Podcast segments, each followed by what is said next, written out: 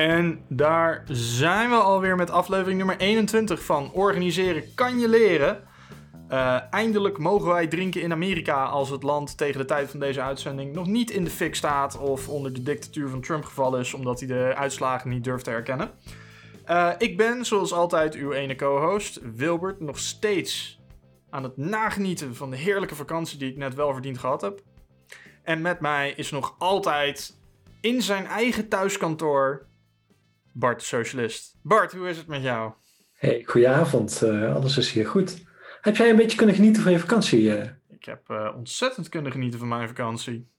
Heb je, heb je de zon nog opgezocht? Ik heb de, nee, ik heb niet de zon opgezocht. Uh, hm. Ik heb de schaduwen opgezocht. Ik heb de hele netwerkarchitectuur van mijn thuiskantoor uh, even onder handen genomen. Oh ja. um, en, uh, en ik heb ja, toch wel een hele leuke extra rol erbij gekregen voor de komende drie jaar. Ja. En ik heb dus voor mezelf om dat te vieren Lego Hogwarts gekocht. Kijk. Die hele grote set die die ik sindsdien ook in elkaar gezet heb.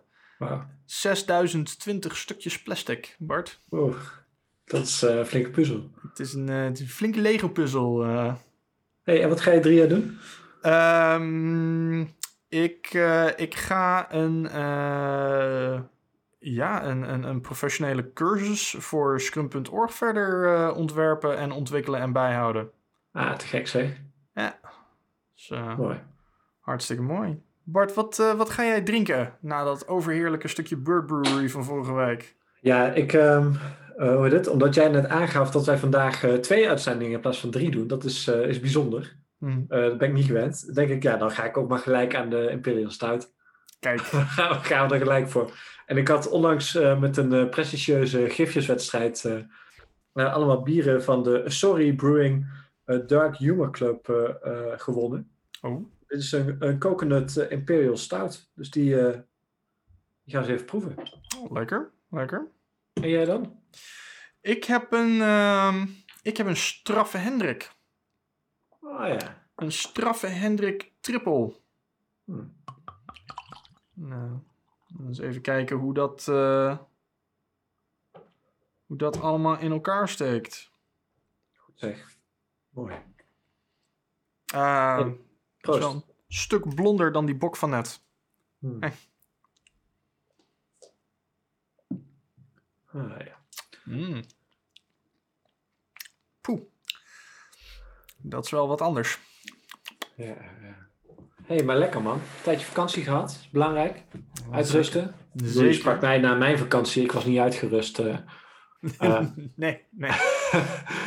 maar ik ben, ik ben inmiddels alweer uh, weken aan het werk. Ja, een beetje geaard ook uh, thuis? Um, ja, dat blijft nog wel even een tijdje klussen. Het duurt toch wel een, uh, een halfjaartje, denk ik, voordat echt alles... Uh, ik, heb, ik heb van de week, heb ik... ik had vorig weekend moest ik wat, wat, wat meer werken dan, dan ik normaal doe in het weekend. Normaal werk ik niet in het weekend. Mm-hmm. Vorige week wat meer. Maandag moest nog ook gebeuren. Dus ik had door de week even wat, wat tijd voor tijd genomen. Dus ik heb vooral... ik heb de waterleiding ben ik flink mee in de weer geweest om de, de vaatwasser aan te sluiten. Ah. Belangrijke, belangrijke zaak natuurlijk. De eerste keer, alles lekte. Ik deed er nog tape tussen moet doen. Tweede keer, heel klein beetje lek nog. Dus ik denk dat ik morgen de derde ga doen. Uh, maar het gaat wel goed, ik leer het wel. Dus, alles, uh, alles is te fixen met duct tape, uh, Bart. het is niet duct tape. Nee, je moet van die... Bij waterleiding moet je kennelijk zo'n soort van witte rubber tapeje ertussen doen. Dan rijdt het goed aan en dan blijft het allemaal... Nee, nee, geen duct tape. Oh, laag na laag na laag. Maar in ieder geval, dus ik heb al, ik heb alweer drie weken zitten werken en ik heb alweer een paar boeken gelezen. Um, Mhm. Ik heb, uh, uh, ja, daar wou ik het eigenlijk niet over hebben, maar uh, het boek, boek van Dirk Bezemers, een econoom uit, uit Groningen. Dat heet Een land van kleine buffers. Mm -hmm. Er is genoeg geld, maar we gebruiken het verkeerd. Het gaat vooral over dat we naar een economie toe zijn gegaan die eerst eigenlijk bestond uit een aantal grote ja, magnaten, groot bedrijfsbezitters en toe zijn gegaan naar een, een wereld van de grote vermogens die alles leegtrekken. Een onderwerp dat we al vaak hebben besproken in deze, Mm. in deze podcast. Ehm, maar ik was ook begonnen en ik ben halverwege met een boek van Stephanie Kelton. Mm -hmm. En dat, dat heet The Deficit Myth, dus de mythe van het, van het tekort. Mm -hmm. Uh, of van de schuld, als je wil. Ehm, en dat boek wilde ik lezen omdat ik, ik had er wat mensen over gesproken. Ik heb er gewoon wat over geschreven. Het gaat over wat, wat wordt genoemd de Modern mo Monetary Theory. Is eigenlijk een, een nieuwe theorie over geld en de relatie tussen de overheid en en de samenleving door middel van munten en dergelijke. Um, en dat is wel een, een bijzonder ding. Ik vind zelf monetaire economie altijd vreselijk ingewikkeld. Ik snap het eigenlijk bijna nooit. Mm -hmm. um, en veel van de vragen die ik eigenlijk heb, worden in het boek wel beantwoord. Maar dan wel op een manier dat ook wordt gesteld van... joh, dit is nou dus niet de manier waarop de rest er allemaal over denkt.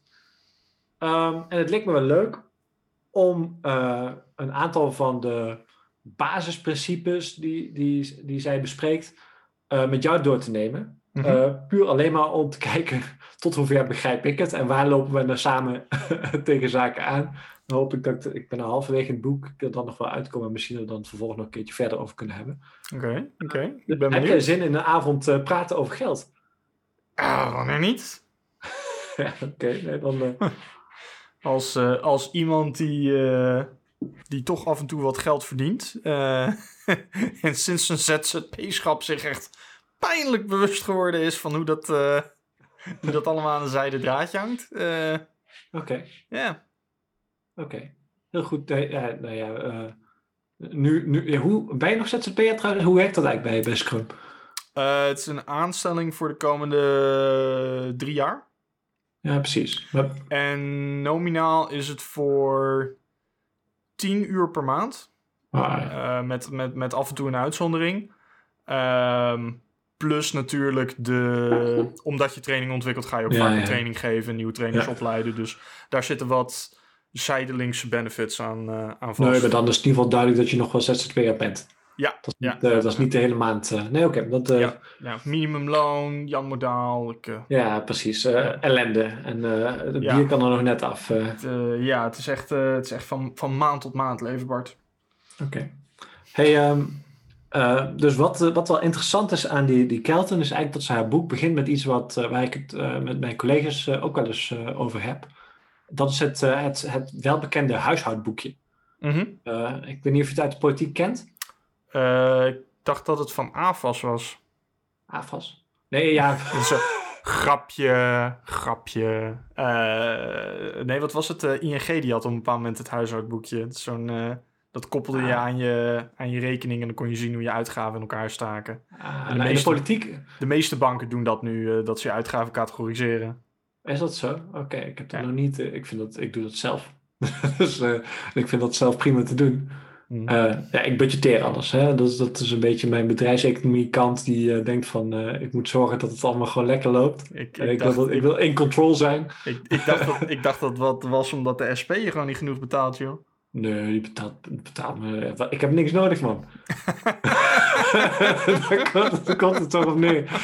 Nee, joh, laat mij gewoon een boekje lezen en betaal me genoeg dat ik af en toe een biertje kan drinken. Dan is het wel goed.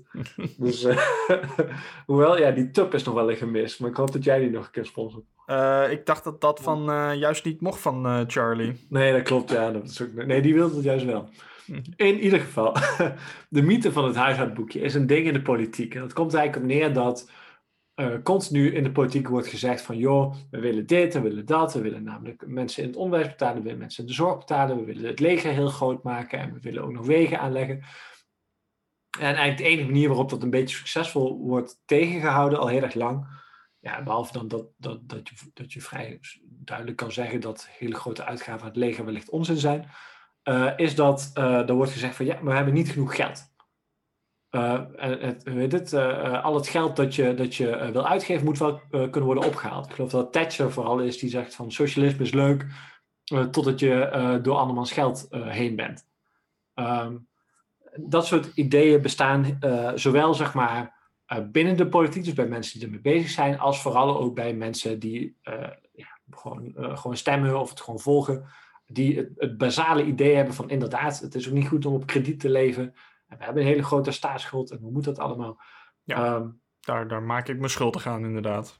Ja, wie niet, zo'n beetje. Hè? Ik, uh, ik denk ik zelf ook. Als ik naar politiek kijk, denk ik ook van ja, je moet ook altijd wel even beredeneren hoe je dit nou precies gaat betalen en wat er nou uh, En vaak is dat ook reëel. Hè? Neem bijvoorbeeld een stad, uh, Utrecht of, of, of, Nijmegen, of in ons geval Zeist en Elst.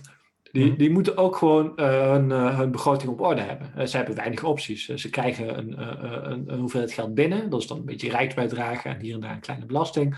En ze geven geld aan. en dat moet ongeveer hetzelfde zijn, anders heb je een probleem. Dan moet je gaan lenen of op een andere manier proberen op te lossen. Dingen gaan verkopen of zo. Um, maar het gekke is dat bijvoorbeeld over de Amerikaanse overheid hetzelfde wordt gezegd. Of over Engeland. Of over Denemarken of Zweden. Allemaal landen die een eigen munt hebben. Mhm. En dus altijd een, een, een soort van andere optie hebben. Namelijk uh, gewoon geld bijprinten. En waar dit hele boek eigenlijk over gaat, is het idee van hoe komt het nou uh, dat wij over deze overheden, over deze staten denken van zij moeten ook aan dat huishoudboekje uh, Mhm. Uh, en waar, waarom slaat dat wel of niet ergens op? En uh, wat betekent dat nou als je dat loslaat? Mm. dus dat is hartstikke interessant. Um, en ik ben wel benieuwd wat dat bij jou voor een eerste soort van gedachte teweeg brengt. Hè? Um, wat er bij mij opkomt is. Uh, er, uh, ken jij Last Week Tonight met, uh, met John Oliver? Fantastische onderzoeksjournalistiek met een laagje humor. Uh, hij heeft op een bepaald moment een, een, een aflevering gemaakt over de Bitcoin-industrie. Hm. Een blockchain, waarin die, waarin die toch wel even heel beknopt uitlegde van... joh, hoe, hoe werkt dat nou allemaal en, en al dat soort dingen. En een van de, een van de punten die hij die hij daarin ook, ook maakte. Of eigenlijk die iemand van, van, van, van die Bitcoin fanclub maakte, was van joh. Uh, uh, geld heeft alleen maar waarde omdat we met z'n allen denken dat het waarde heeft. en datzelfde geldt voor Bitcoin. En daar heeft hij in zekere zin gelijk in.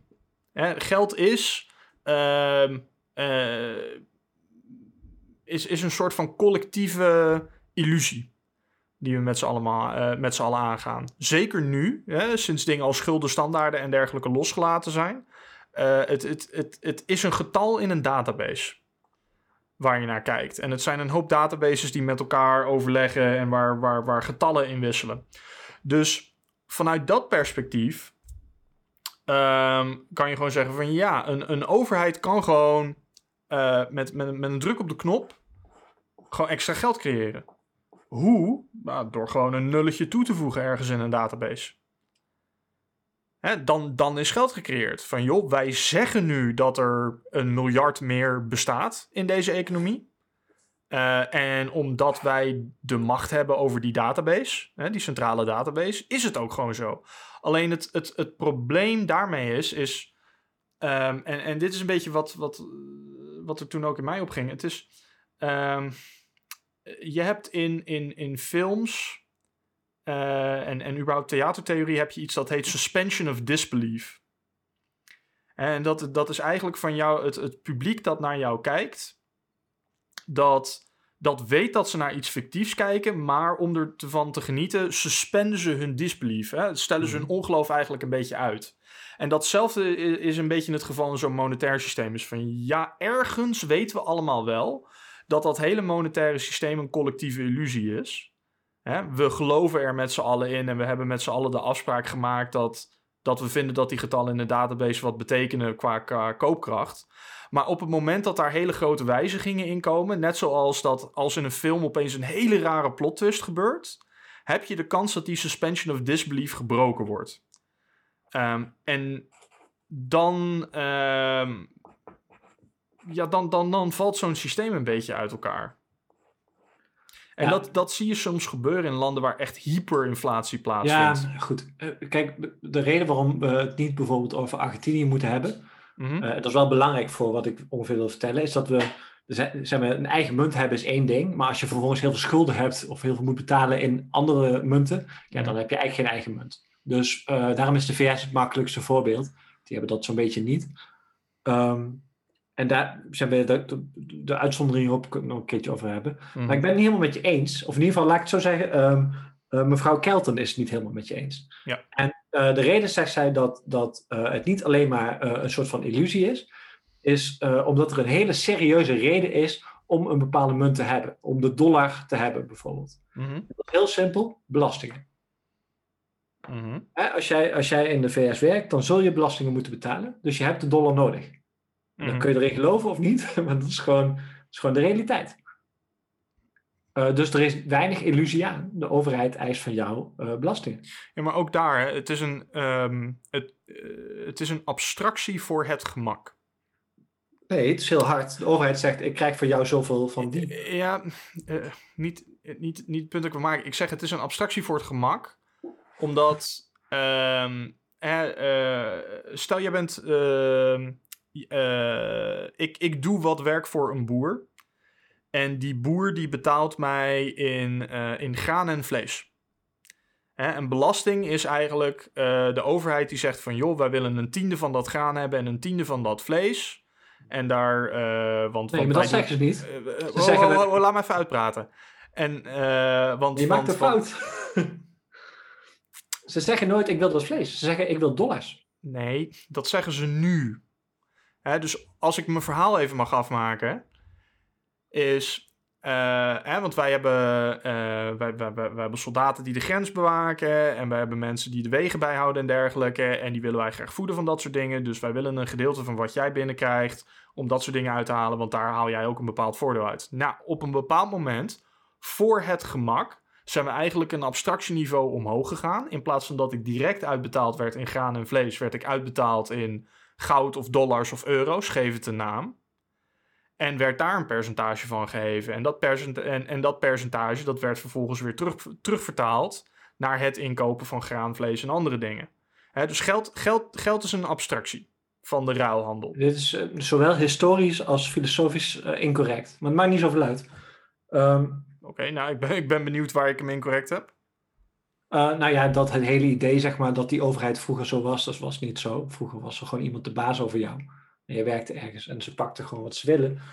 Ehm, en nu is het Ja. heel anders. De overheid creëert de, eh, de noodzaak om de dollar te hebben.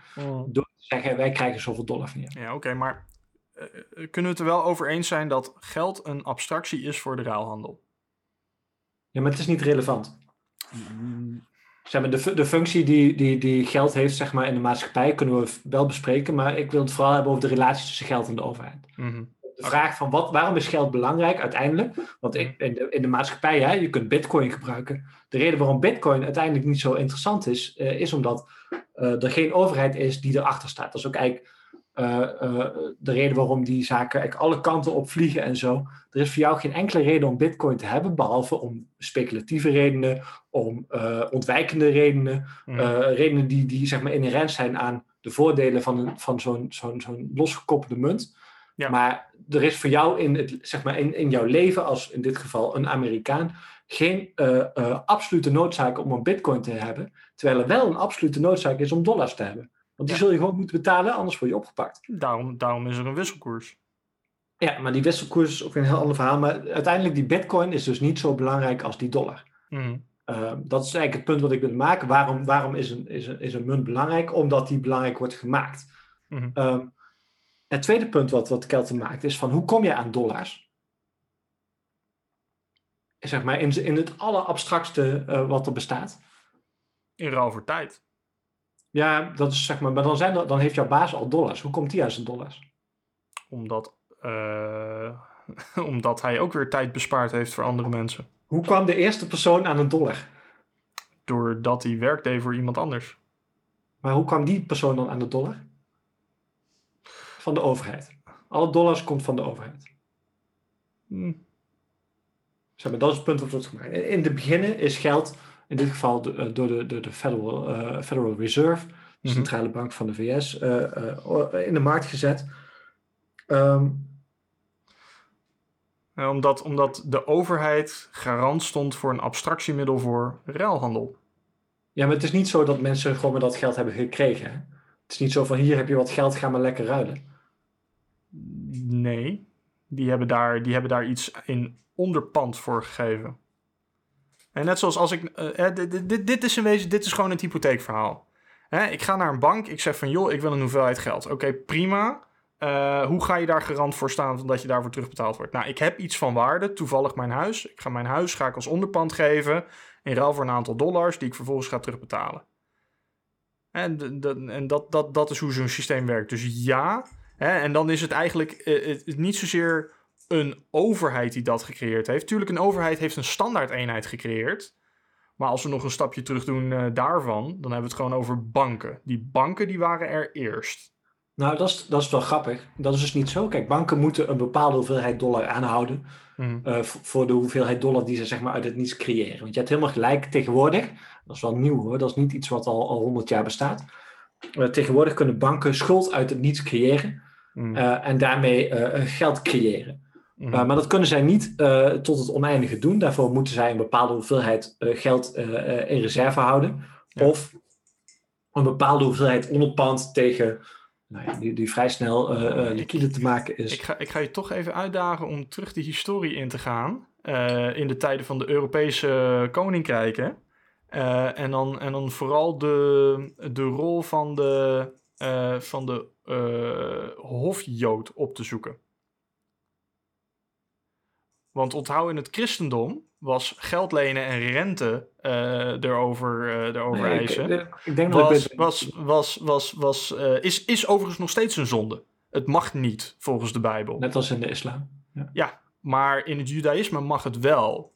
En dus de eerste banken, en dit is de reden waarom er nog veel Joodse families betrokken zijn bij banken. De eerste, de eerste banken waren eigenlijk gewoon vermogende Joden die geld leenden aan de monarchieën, de overheden in die tijd, daar rente over vroegen en daarmee meer geld creëerden voor het systeem. Het is later eigenlijk dat overheden een beetje die rol hebben overgenomen. Maar ja, dat is helemaal waar. dit is volgens mij 15e eeuw Italië en het belangrijke bij is ook dat het uh, voor Joden onderling niet uh, acceptabel was om rente te vragen, maar wel om van christenen eens, te vragen. Maar, dus dat is ook maar, maar, maar, maar wel inderdaad de, de, en het tweede ding de, qua, qua kip en het ei verhaal, die bank was er eerst. Ja, maar eh, zeg maar, de bank waar je het toen over hebt, is niet echt to totaal niet te vergelijken met de bank nu. Om maar een ander voorbeeld te noemen. als dat de overheid van nu niet te vergelijken is met de overheid van toen. Ja, maar, zeg maar de reden waarom dit allemaal uh, totaal irrelevant is voor dit verhaal, is mm. omdat in die tijd uh, de waarde van allerlei zaken vastlag aan de waarde van een metaal. Ja. Dat is nu niet zo. We hebben totaal geen backup, zeg maar, voor een dollar of wat dan ook. Eh, goud en dergelijke is totaal geen wisselkoers voor van, die relevant is. Vandaar die collectieve illusie waar ik het over had. Ja, maar die illusie eh, is niet echt een illusie. Die illusie is de macht van de uh, overheid die voor jou belasting eist. Dat is het enige harde wat een munt waardig heeft. Die, die, moet je me eventjes uitleggen. Waarom dat, waarom dat hard is. Omdat je anders in de cel belandt. Heel simpel. Mm Je hebt een verplichting om belasting te betalen. En je mhm. moet dat doen in de munt van, uh, van die overheid, in dit geval het dollar van de, van de Federal Reserve. Mm. En dus is dat hard. Want uh, met hard bedoel ik, als je daar niet aan voldoet, dan beland je in de cel. Mm. En dat is wat de dollar iets waardevols maakt. Maar ik, ik val nu wel een beetje in herhaling. Mm. Um, hoe dan ook. Wat, de derde, de derde stelling, en ik ben benieuwd, ik merk al wel een beetje waar we, waar we vastlopen, waar ik hoop dat ik binnenkort misschien beter kan uitleggen. Mhm. De derde stelling die zij, die zij heeft, is een, uh, uh, een vrij belangrijke. Uh, er wordt vaak gezegd dat wanneer de overheid schuld aangaat, als de overheid een grote schuld heeft, dat dat geld voor die schuld, dat dat wordt ont, onttrokken aan de maatschappij. Dus een, iemand heeft veel geld, die kan besluiten van ik ga het allemaal investeren in uh, leuke fabrieken en dergelijke. Mm -hmm. Uh, ga het allemaal steken in staatsschuld. Dus hoe groter die staatsschuld, hoe meer rijke mensen denken van ik gooi daar mijn geld naartoe, hoe minder er overblijft om te investeren in fabrieken. Zij zegt dus dat dat totale onzin is en juist andersom werkt. En dat is wel, dat is wel een, een, een tricky ding om er even goed over na te denken en, en, en, te begrijpen hoe dat werkt. Dat heeft er één mee te maken dat Ehm, de mensen die uh, staatsschuld op mogen kopen, uh, dat eigenlijk allemaal grote banken zijn. Mm dus in Europa heb je een, een vergelijk, namelijk dat een aantal banken zijn gerechtigd om staatsschuld op te kopen mm en verkopen dat eigenlijk direct weer door aan de Europese Centrale Bank, dat is de quantitative easing van dit moment. Zij ontvangen daar een kleine vergoeding op en op die manier controleert de centrale bank eigenlijk de, de rentelasten van, van de staatsschuld van, van de lidstaten in, van, de, van de euro. Een vergelijk in Japan gebeurt hetzelfde. de, de, de centrale bank van Japan die koopt eigenlijk ook alle schuld op die, die de Japanse overheid maakt. Ik meen dat Japan op dit moment ongeveer 300 uh, procent van het nationaal inkomen als schuld heeft. En de helft daarvan is gewoon opgekocht door de centrale bank. Dus hmm. als die zeggen van jongens, vergeet mij, je hoeft niet terug te betalen. Dan is in één keer de, de, de schuld nog maar 150 procent van het BBP. Eh, zonder dat iemand geld verliest. Hmm. En haar stelling is juist van hoe groter de schuld van de overheid. Ja. Hoe groter de schuld aan de maatschappij en dus de welvaart van de maatschappij. Dat is de omdraaiing die ze maakt. En zij, zij, zij, stopt er nog één zaak bij. En dat is namelijk van de vraag hoe, dat, hoe, de, hoe die begroting vervolgens in elkaar zit en hoe groot die schuld zit, is eigenlijk helemaal niet zo belangrijk. De enige vraag is van wat doen wij met het geld dat we op, dat, op die manier scheppen? Zorgen we daarvoor dat we maatschappelijke doelen halen? Of uh, gooien die weg aan bijvoorbeeld, uh, ik noem maar wat, leger uitgaven die misschien niet zo verstandig zijn. Ik, ik denk dat wij het in een andere aflevering misschien nog een keertje moeten hebben over het leger. Ja, ik denk het ook, ja. want ik merk daar toch gewoon een bepaalde lading in elke keer dat jij, dat jij het erover hebt. Ja, ik, het is voor mij een beetje een go-to van een uitgave die je in de ideale situatie niet zou willen doen. maar goed, in een andere aflevering. Mm -hmm, Goed, ik heb de eerste drie hoofdstukken een beetje proberen neer te zetten. Mhm. Ik vind het zelf ook nog wel ingewikkeld hoor. Want, ehm, en, en, misschien moet ik er nog een laatste, laatste punt over maken. Ehm, het is absoluut zo dat um, het moment dat jij deze theorie aanhaalt, dat, dat, het eerste wat je, aan je naar je hoofd kijkt is van, oh, je wil gewoon heel veel geld uitgeven. En het punt wat zij daar tegen, tegen maakt is eigenlijk van, joh, het enige waar, waarvoor we eigenlijk moeten uitkijken is inflatie. Dus inflatie betekent, uh, als mensen heel veel geld hebben, heel veel mensen in de maatschappij hebben heel veel geld, gaan ze het allemaal uitgeven. Uh, maar er is maar zoveel productiecapaciteit in die maatschappij. Mm Dus worden prijzen duurder. En voor je het weet uh, gaat dat zo hard. nou, dan krijg je situaties waarin je, nou ja, zoals in, in Duitsland in het interbellum, dat je uh, uh, de ene dag uh, een bedrag verdient en de volgende dag heb je het vol, dubbele nodig om, om brood te kunnen betalen. Een hyperinflatie. Mm Haar punt is dus, zolang je inflatie kan bestrijden, maakt het eigenlijk niet zoveel uit hoeveel geld je uitgeeft. Ja. Dus dat is wel echt de, de absolute stop. Dat is een hele andere als dat er op dit moment is voor, ja, en ik, en ik moet eerlijk zeggen, ja, ik, moet dat, ik moet dat boekje denk ik een keertje lezen. Ja, ik denk dat wat ik wel heel erg interessant vind aan wat zij doet, is eigenlijk, en waarom ik het eh, voor mezelf heel erg verhelderend vind, is mhm. omdat um, vaak als je, als je zaken over uh, monetair beleid leest, dan staan de doelen min of meer vast. Eigenlijk is er één belangrijkste doel, prijsstabiliteit. Dus het mhm. voorkomen van inflatie. Of een bepaalde uh, mate van inflatie. Uh, en daar is sinds de jaren tachtig bijgekomen een bepaalde natuurlijke hoeveelheid werkloosheid. Uh, en dit boek uh, gaat daar nogal hard tegenin. door te stellen dat, er, dat, er, dat, dat, dat eigenlijk monetair beleid nooit een doel zou moeten zijn, maar meer een middel. Mm. Um, en dat de manier waarop wij over staatsschuld nadenken, uh, en de, de, de, de, de vergelijkingen die we daarin maken om het te begrijpen, dus het huishoudboekje, dat die eigenlijk totaal niet opgaan voor de situatie waarin in ieder geval een, uh, uh, een staat met een eigen munt en zonder al te veel buitenlandse schulden zich in bevindt. Nou, um, dit gaat allemaal heel erg op in een, in een, in een semi-gesloten systeem, waarin een, waarin een land um, toch wel voor het overgrote deel self-sufficient is. Hè, waar, waarin import-export eigenlijk, eigenlijk een beetje beperkt zijn. Want, want uh, eigenlijk het voorbeeld van, van, van, van Argentinië of, of Venezuela, geloof ik, uh, dat je noemde, waar, waarin ze sterk afhankelijk waren van import-export. Op het moment dat je daar, dat daar die koopkracht van die munt afneemt, dan zie je inderdaad dat dat systeem, dat, dat, dat deze theorie een beetje op zijn gat valt. Um, nee, en, en, gaat daar dus niet over. Dat is heel belangrijk. Argentinië is, is een land wat zo, zeg maar, eh, zoveel buitenlandse schulden heeft dat het totaal niet eh, is wat, wat volgens deze theorie wordt. eh, wordt. Ja, en, en, en daar, en, en, en dat, was, dat was wel iets, en daar, daar, gaan we het, daar gaan we het gewoon de volgende keer over hebben. Want ik weet niet of er landen zijn waarin dat opgaat, dat andere systeem. Want, want een land als Amerika en de meeste Europese landen, eh, en, en, en, en zeker zin eh, Japan en eh, Rusland en China ook, dat, dat, dat zijn helemaal geen gesloten systemen. Die zijn onderdeel van een wereldeconomie van verschillende valuta. En die hebben, die hebben een veel grotere verantwoordelijkheid, denk ik, dan, dan of sorry, een veel grotere afhankelijkheid dan wordt aangenomen in deze theorie. Voor zover ik hem tot nu toe begrijp. Ik denk dat dat wel meevalt. Ik denk dat, eh, eh, dat zowel die verantwoordelijkheid als de mate waarin dat vervolgens van invloed is op wat die munt nou precies is, dat het eigenlijk wel meevalt. Zij, mogen, zij kunnen nog steeds zelf beleid voeren. Om maar iets te noemen, hè, de, eh, onder Trump is, eh, ik meen, eh, de staatsschuld zo'n beetje weer verdubbeld. Zeker nu Ja. natuurlijk in coronatijd. Ja. En dat is geen enkel probleem. Durf ik niet te zeggen.